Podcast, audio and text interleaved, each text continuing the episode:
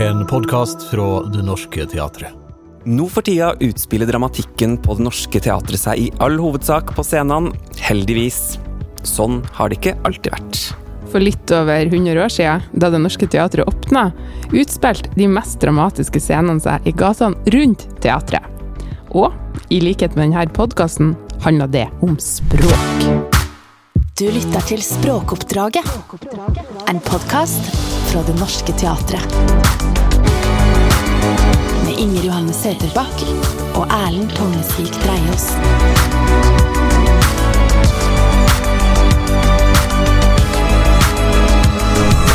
Alfred Fidjestøl er journalist, filosof, sakprosaforfatter. Han har gitt ut biografer om Per Sivle, sjimpansen Julius, fotballmennesket Drillo, og jobber nå med en biografi om Georg Johannessen. Men for oss her på huset vil han for alltid være mannen bak boka Trass alt. Det Norske Teatret 1913 til 2013. Dramatiske scener fra 100 års teatereventyr. Velkommen til språkoppdraget, Alfred Fidjestøl. Tusen takk for det. Du, Vi pleier å starte på samme måte eh, og spørre gjestene om hva slags språkmenneske er du? Ja, det der er jo et ganske personlig spørsmål, egentlig. Eh, jeg er jo eh, født og vokst opp i Bergen, og hadde da selvfølgelig bokmål på skolen.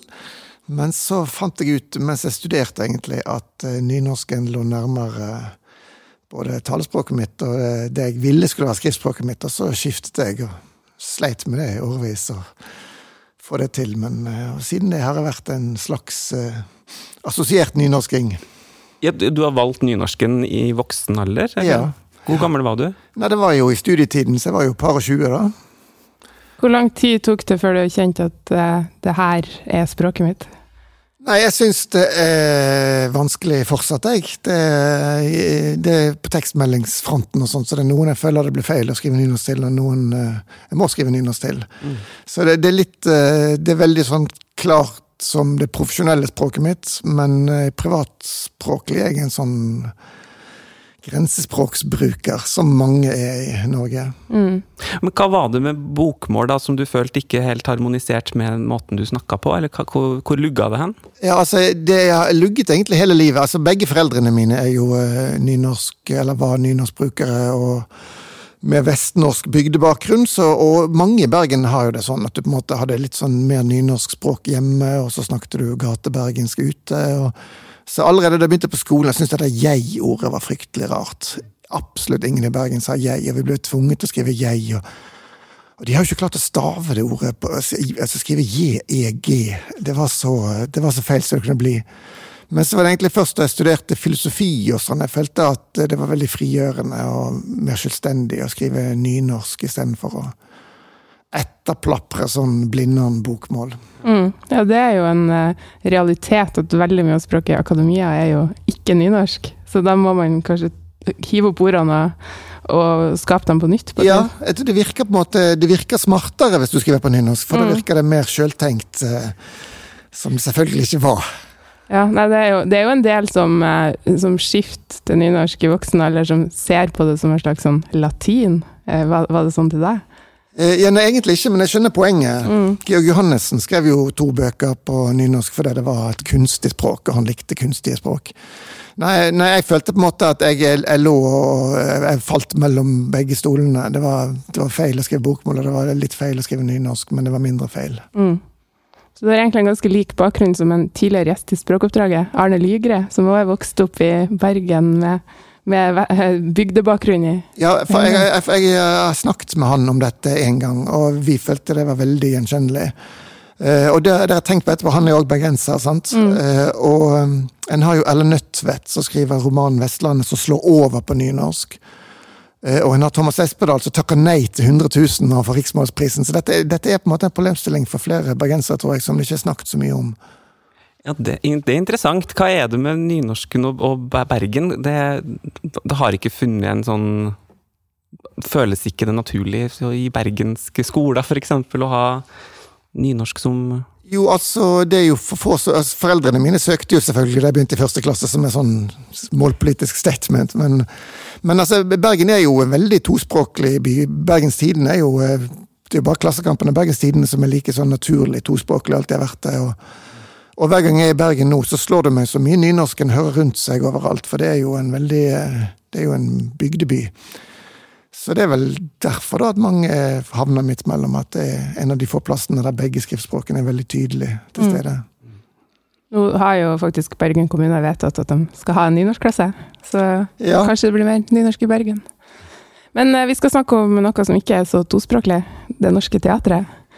Eh, du har jo, kan jo mer enn de fleste og skrevet jeg må si, utrolig spennende bok. Kan anbefale den nå i påska istedenfor påskekrim. For eh, hvem skulle tro at historien til et teater kunne være så spennende? Eh, altså, du må fortelle litt først om bakgrunnen til Det Norske Teatret. Hvem var de? De som starta det her, og, og hvorfor gjorde han det? Ja, det er jo eh, ganske få mennesker det går tilbake til. Det er jo dette miljøet rundt eh, Hulda og Arne Garborg, som eh, de fleste har hørt hadde noe med dette å gjøre. Eh, og det var en liten gjeng som fysisk holdt til ute i Asker, på Labråten. Rasmus Steinsvik og Iver Mortensen og med flere. Som på en måte prøvde å etablere nynorsk som likestilt skriftspråk. Eh, og dette var på den tiden da nynorsken var på offensiven. Det var et nytt språk, det var det språket som var i framgang og vekst. Og så på en måte tenkte de hvilke institusjoner trengs for at nynorsken skal være et likeverdig språk. Og da måtte jeg, måtte, jeg måtte skape høyverdig litteratur, en måtte oversette den store litteraturen, en måtte ha sin egen avis, og så måtte en ha et teater. Og teater var på en måte, Dette er jo før TV og radio. Det teater er det, eh, kulturens ene samlende møteplass. Så uten et eget teater, så var det ikke et eget språk. Nei, og, det, og mange av dem her hadde vel eh, bakgrunn i den ungdomsrørsla, norskdomsrørsla som drev med amatørteater rundt omkring på bygdene òg. Ja, det var en del av det. Eh, Men samtidig så var det, det var ganske nytt òg, så det var ikke noen sånn lange teatertradisjoner på bygdene i Norge. Det var jo en sånn urban eh, overklassekultur, i hvert fall du tenker sånn institusjonsteater i hovedstaden teater. Så det var på en måte, De hadde med seg noe erfaring og røtter fra amatørteaterbevegelsen, samtidig som de virkelig utfordra og gikk inn der Oslo vest hadde hatt hegemoniet. Det var ganske modig, vil jeg si.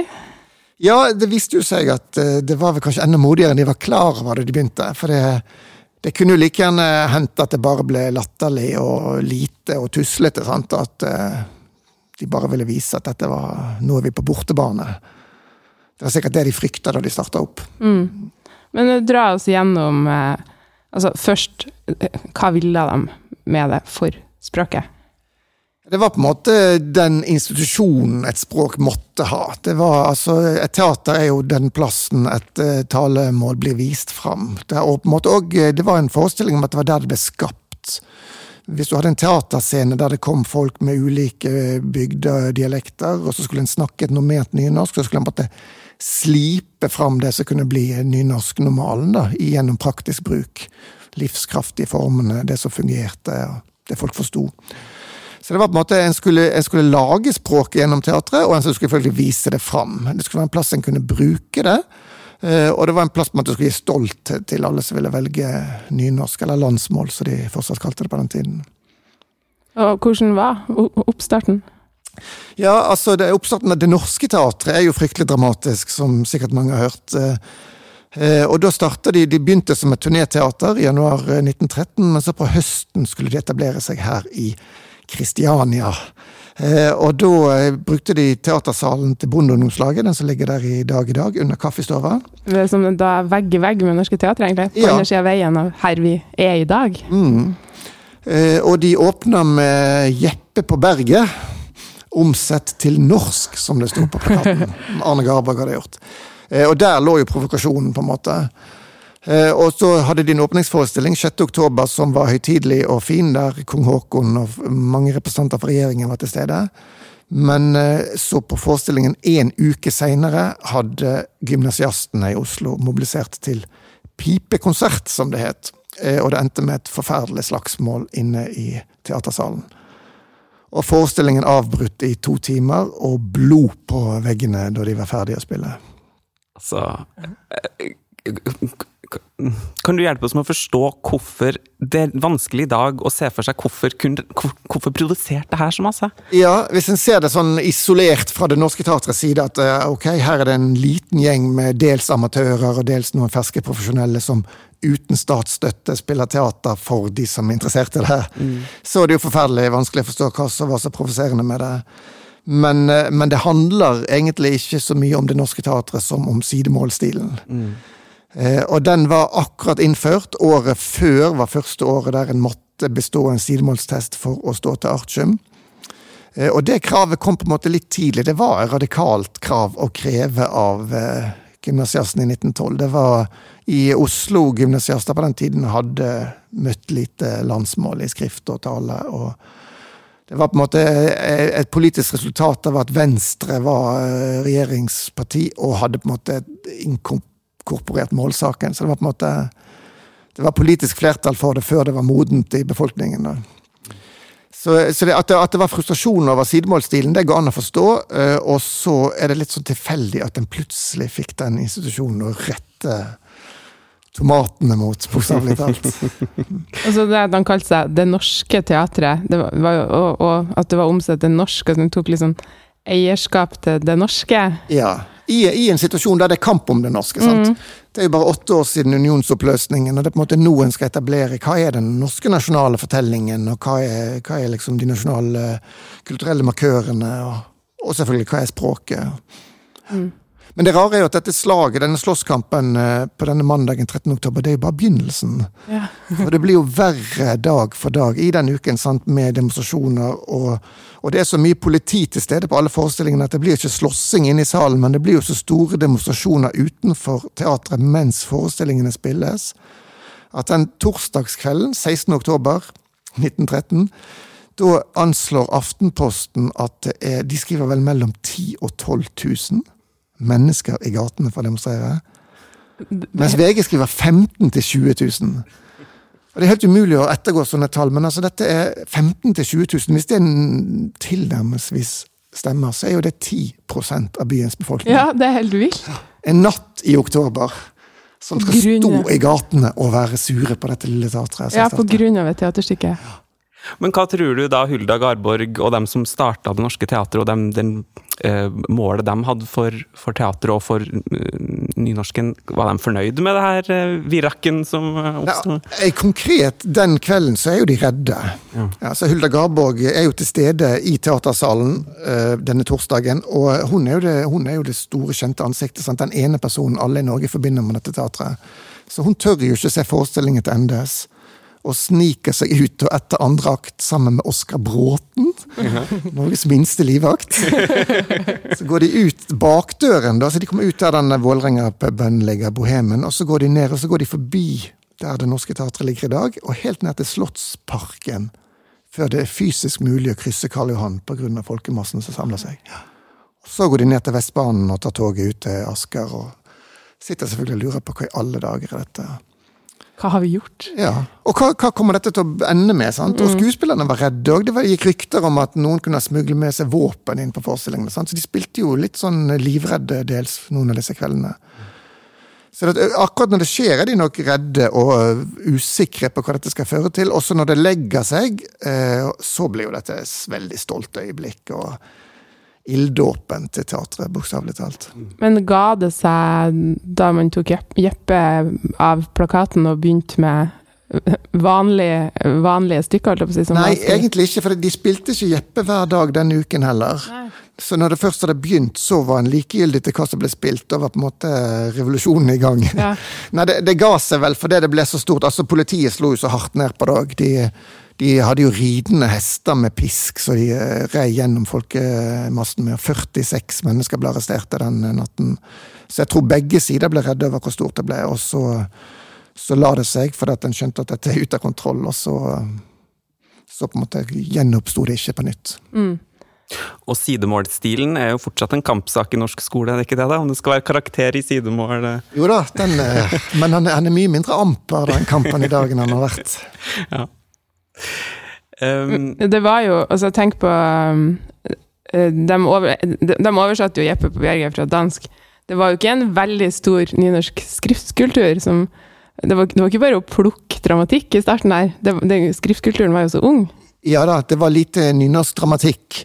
Det lille som fantes, eh, bortsett fra Arne Garbos 'Læreren', var jo på en måte det ene verket en klamrer seg til. Det var jo stort sett skrevet for amatørteater. Eh, formål. Men, eh, men, eh, men det var jo òg en idé at en skulle oversette, en skulle spille verdensdramatikk. Og, og, eh, og spille Holberg var vel òg noe de oppfatta som en åpenbart del av mandatet. Og det, hvis en skulle ha et teater i Oslo. Ja, For det var ambisjonen fra starten av, at her skulle vi få inn også de store, kjente Ja, absolutt. dramatikerne. Ja da. Allerede dette Det Norske Spellaget, som de kalte det, som var liksom prøveballongen, så var det rent sånn amatørteater som Hulda reiste rundt med. De spilte jo Molière rundt omkring på norske låver og sjøboder. De var veldig produktive, denne gjengen her. De Ja. hadde masse på plakaten. Ja, det var ikke mye chilling og Netflix der. Men du, litt, litt mer om det, fordi det var jo ikke Det var mye folkekomedie i starten. Ting som Hulda og, Å hadde skrevet, Ivar Aasen hadde skrevet. Og, eh, de gikk vel på en måte litt tom. Hva, eh, og så var det ikke så lett å få oversett fra riks, riksmål. Nei, altså det, De hadde veldig mye folkekomedie de første årene. Ja. Både Hulda og, og Ivar Aasen, men òg en svensk farse.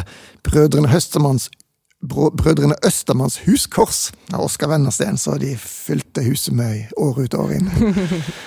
Eh, Men eh, nei, det er så klart når det var riksmålsdramatikk som fortsatt ikke var falt i det fri, altså som Ibsen for eksempel, så fikk en jo ikke lov å spille Ibsen. Og han fikk heller ikke lov å spille Bjørnson.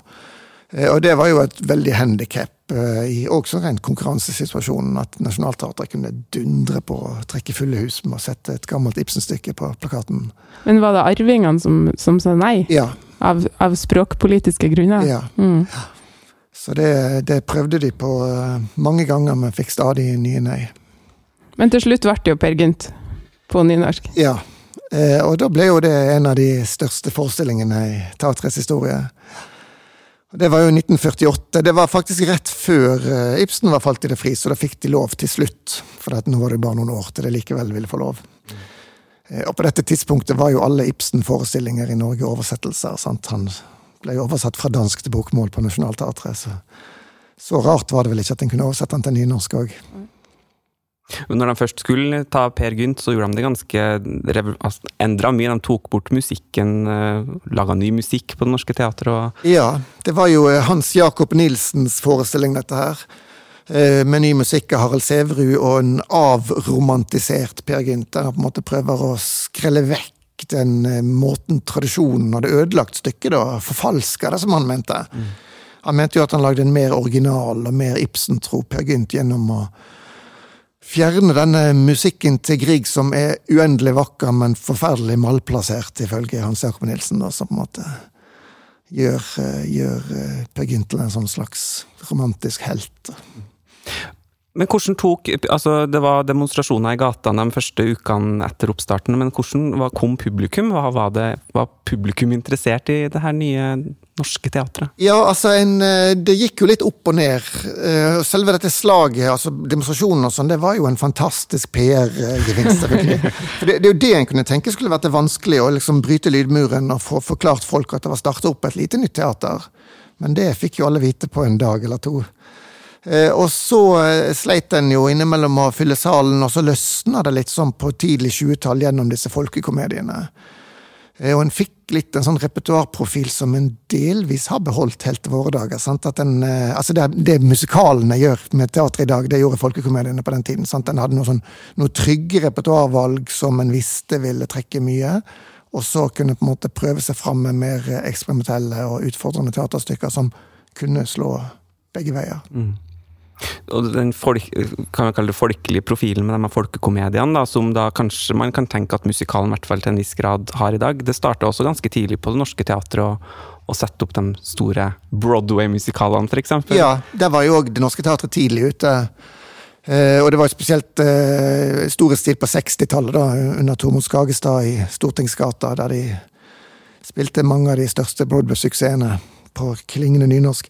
Og det er jo på en måte sånn det er jo en sånn eh, heldig situasjon, Det Norske Teatret, at hvis, eh, hvis Nationaltheatret hadde spilt for mye av den type repertoar, så ville en på en måte ment at de svikta eh, mandatet sitt og statsstøtten, og at det på en måte har en, et, et annet oppdrag i våre dager. Mens Det Norske Teatret har hele tiden denne språkpolitiske foten å stå på. Sant? Hvis ikke Det Norske Teatret spiller musikaler på nynorsk, så er det ingen i verden som gjør det. Og Hvis ikke Det Norske Teatret når ut til flere hundre tusen hvert år, hva er da på en måte vitsen med å ha det språkpolitiske prosjektet? Så? Men, men, det var vel eh, kanskje musikalene som åpna, åpna Norske Teatret for bredda av publikum? Ja, det vil jeg si. Det var jo han, Hans Jakob Nilsen igjen som eh, spilte de første musikalene på slutten av 40-tallet. Eh, og han eh, sa jo det som en sånn seier da han satt på trikken hjem til Oslo vest, og så hørte han at folk satt og nynna på nynorsk. og det, på en måte, det, det, er jo selvfølgelig en anekdote, men i seg sjøl er det en utrolig viktig hendelse. Sant? For det som, nynorsken var så utrolig politisert i Det Norske Teatrets sammenheng de første ti årene. Sant? Det var nesten et politisk valg å gå i Det Norske Teatret. Men den dagen Oslo-folk bare gikk der for de skulle kose seg, og der gikk det koselige stykket, og de satt og nynna på veien hjem uten å tenke på at de nynna på nynorsk, så det er en veldig milepæl eh, språkpolitisk for teatret. Mm. Jeg vet ikke om jeg har eh, Stemmer det at Arne Garborg sa noe sånt som at man må eh, at nynorsken må synges inn i hjertene? Var det noe? Ja, det er et sånt sitat. Nå har jeg ikke det ordrett, men det er omtrent det, ja. ja. Eh, og det, det, så det, måte, det, kan vise at allerede før de starta opp teatret, så var de bevisst på det, at det på en måte skulle òg være lett og underholdende. Og Ivar Aasen Ervingen er jo et syngespill sant, med veldig fengende melodier. og at, det, at, de var redde for at det bare skulle bli et språk som var alvorlig og tungt og høytidelig. Og i Ervingen så er det vel der og en av de mest kjente sangene vi har i Norge, i hvert fall melodiene, ja. som er bursdagssangen. som Margrethe Munthe har vel en mer kjent tekst, kanskje? enn ja, Åsen, da, men... hun har passert Åsen der. ja, men melodien var på Det Norske Teatret ja. tidlig. Ja. ja. Du, jeg tenkt på, det, det, det, er litt sånn rart å tenke på. At uh, nå, nå, er det jo masse folk innom Det Norske Teatret helt sånn automatisk for å se bra teater. Og, og det er så rart å tenke på at folk har stått og slåss ute i gatene her. Men når vil du si at Det Norske Teatret liksom slutta å være i strid? Eller har vi slutta med det? Ja, eh, godt spørsmål. Eh, ja, vi har vel, jeg vil si vi har slutta med det, ja. Det er, det er vel en sånn, hvis du skal si sånn hundreårslinje, så har det vel gått fra å være en slagplass til en møteplass mellom mm. de to kulturene. Eh, men, men, den striden den, den, har jo blitt deaktivert på ulike tidspunkt. Han, han, har, lagt det latent. Så han, eh, han gjenoppsto rundt Per Gynt-oppsetningen, du skulle spille Per Gynt på nynorsk i 48. Han gjenoppsto på 50-tallet når samnorsken var veldig betent. Så, så gudene vet, kanskje det kan oppstå ting som gjør at han kan gjenoppstå på nytt. sant? Men eh, sånn som det er nå, så er vi vel mer der at folk nynner på trikken uten å tenke på hva språk de nynner på. Mm. Sant. Hvis vi skal plassere Det Norske Teatret inn i en slags nynorsk tidslinje, eller hva, hva betyr det her det teatret som folk nå i dag kommer ofte for, og at de skal ha en hyggelig kveld eh, bare å se teater? Hvilken rolle har Det Norske Teatret spilt for nynorsk historie? Går det an å si noe om det? Ja, nei, altså det er jo selvsagt en kjempesentral rolle. Det er, jo, det er jo det ene konkrete byggverket. Det altså på en måte, det er festningen til nynorsken, kan jeg si. sant? Det var, det var, på en måte her eh, et veldig viktig slag sto. En vant jo slaget den gangen, sant? for det, det, ble forsøkt helt marginalisert og utdefinert og slått ned. Sant? Men så viste det seg det var livskraftig, det hadde en funksjon, eh, og det har klart å stå der i 100 år, mer enn det nå, og trekke folk og på en måte forsvare sin rett. Så Sånn sett er det det viktigste festningsverket i den nynorske infrastrukturen. Mm. Men eh, er den funksjonen fortsatt? Er, uh, trengs Det Norske Teatret fortsatt språk, altså språkpolitisk sett, tenker du? Ja, for det er på en måte den ene plassen en kan peke på uh, at vi har to sidestilte skriftspråk rent sånn fysisk, konkret. sant? En har jo ikke, en har, en har nynorsk litteratur, selvfølgelig, og en har nynorsk aviser og sånn, men det er på en måte det er ikke like synlig som et sånt eh, konkret eh, festningsverk for språket, da.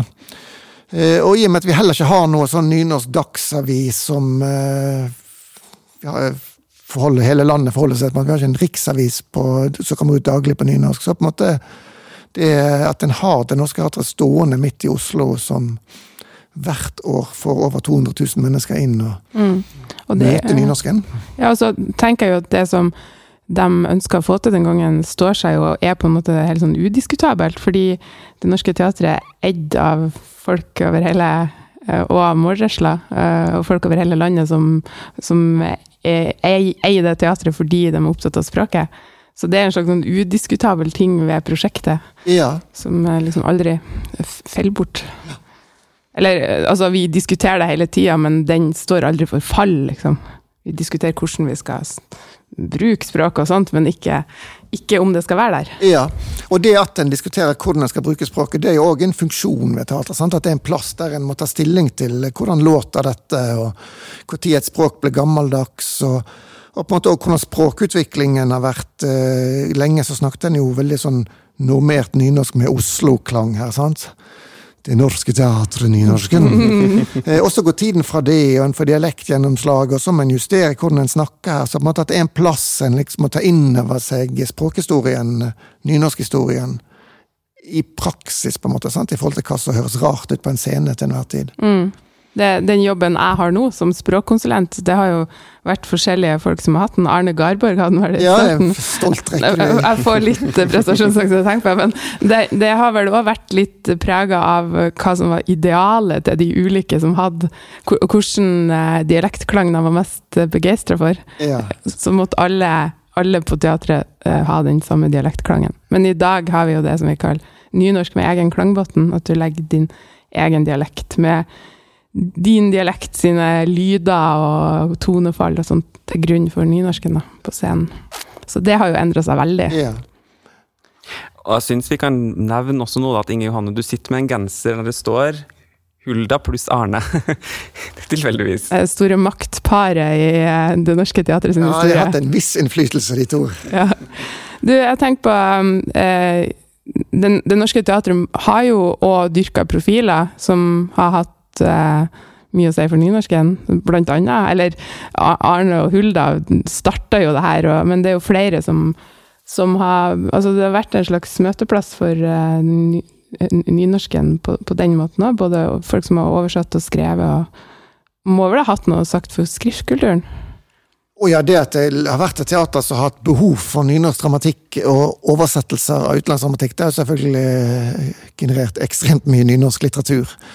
Eh, og en har jo eh, store oversetter eh, legender på en måte i teatrets historie, fra Henrik Rytter til Haldis Moren Vesaas og Edvard Hoem, som på en måte har gjort veldig mye av verdenslitteraturen tilgjengelig på nynorsk.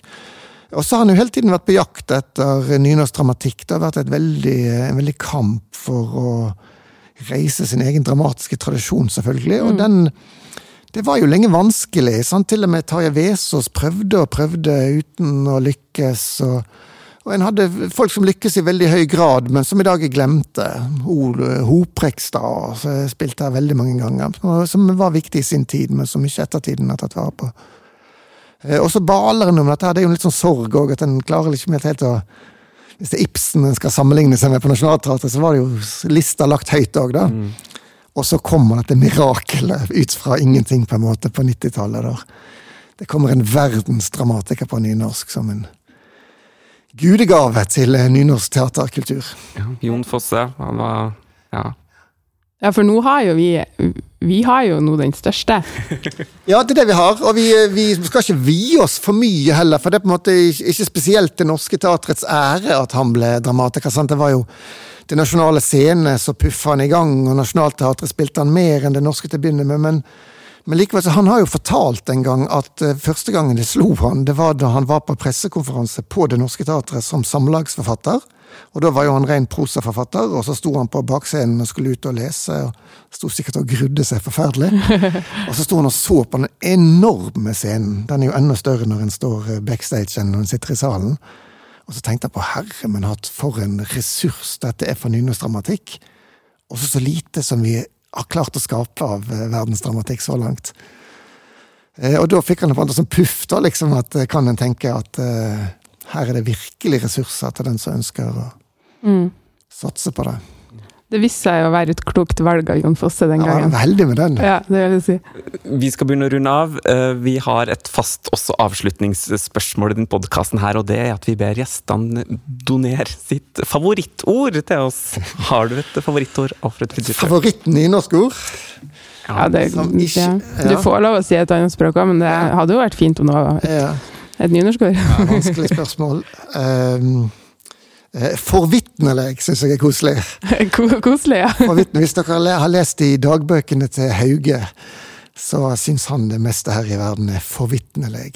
Eh, eh, Si en setning eh, eller sånn der man kan bruke det. Nei, jeg kan vel bruke det der en ville sagt fascinerende, kanskje. Ja. eller? Ja, nettopp. Hvis en, hvis en har vært og sett et nytt stykke på Det Norske Teatret, og en syns det var veldig bra, men sliter med hvordan en skal skildre det, så sier en at det var forvitnelig. Bra. Det er fint.